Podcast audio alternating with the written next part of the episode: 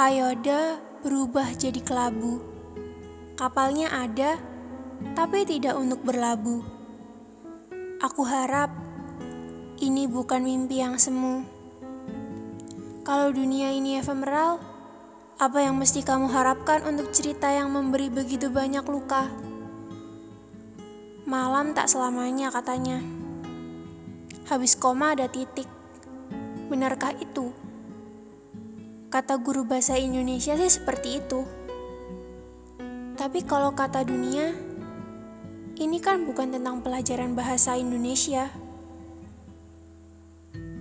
Jika memang iya, aku harap itu bukan titik yang terakhir.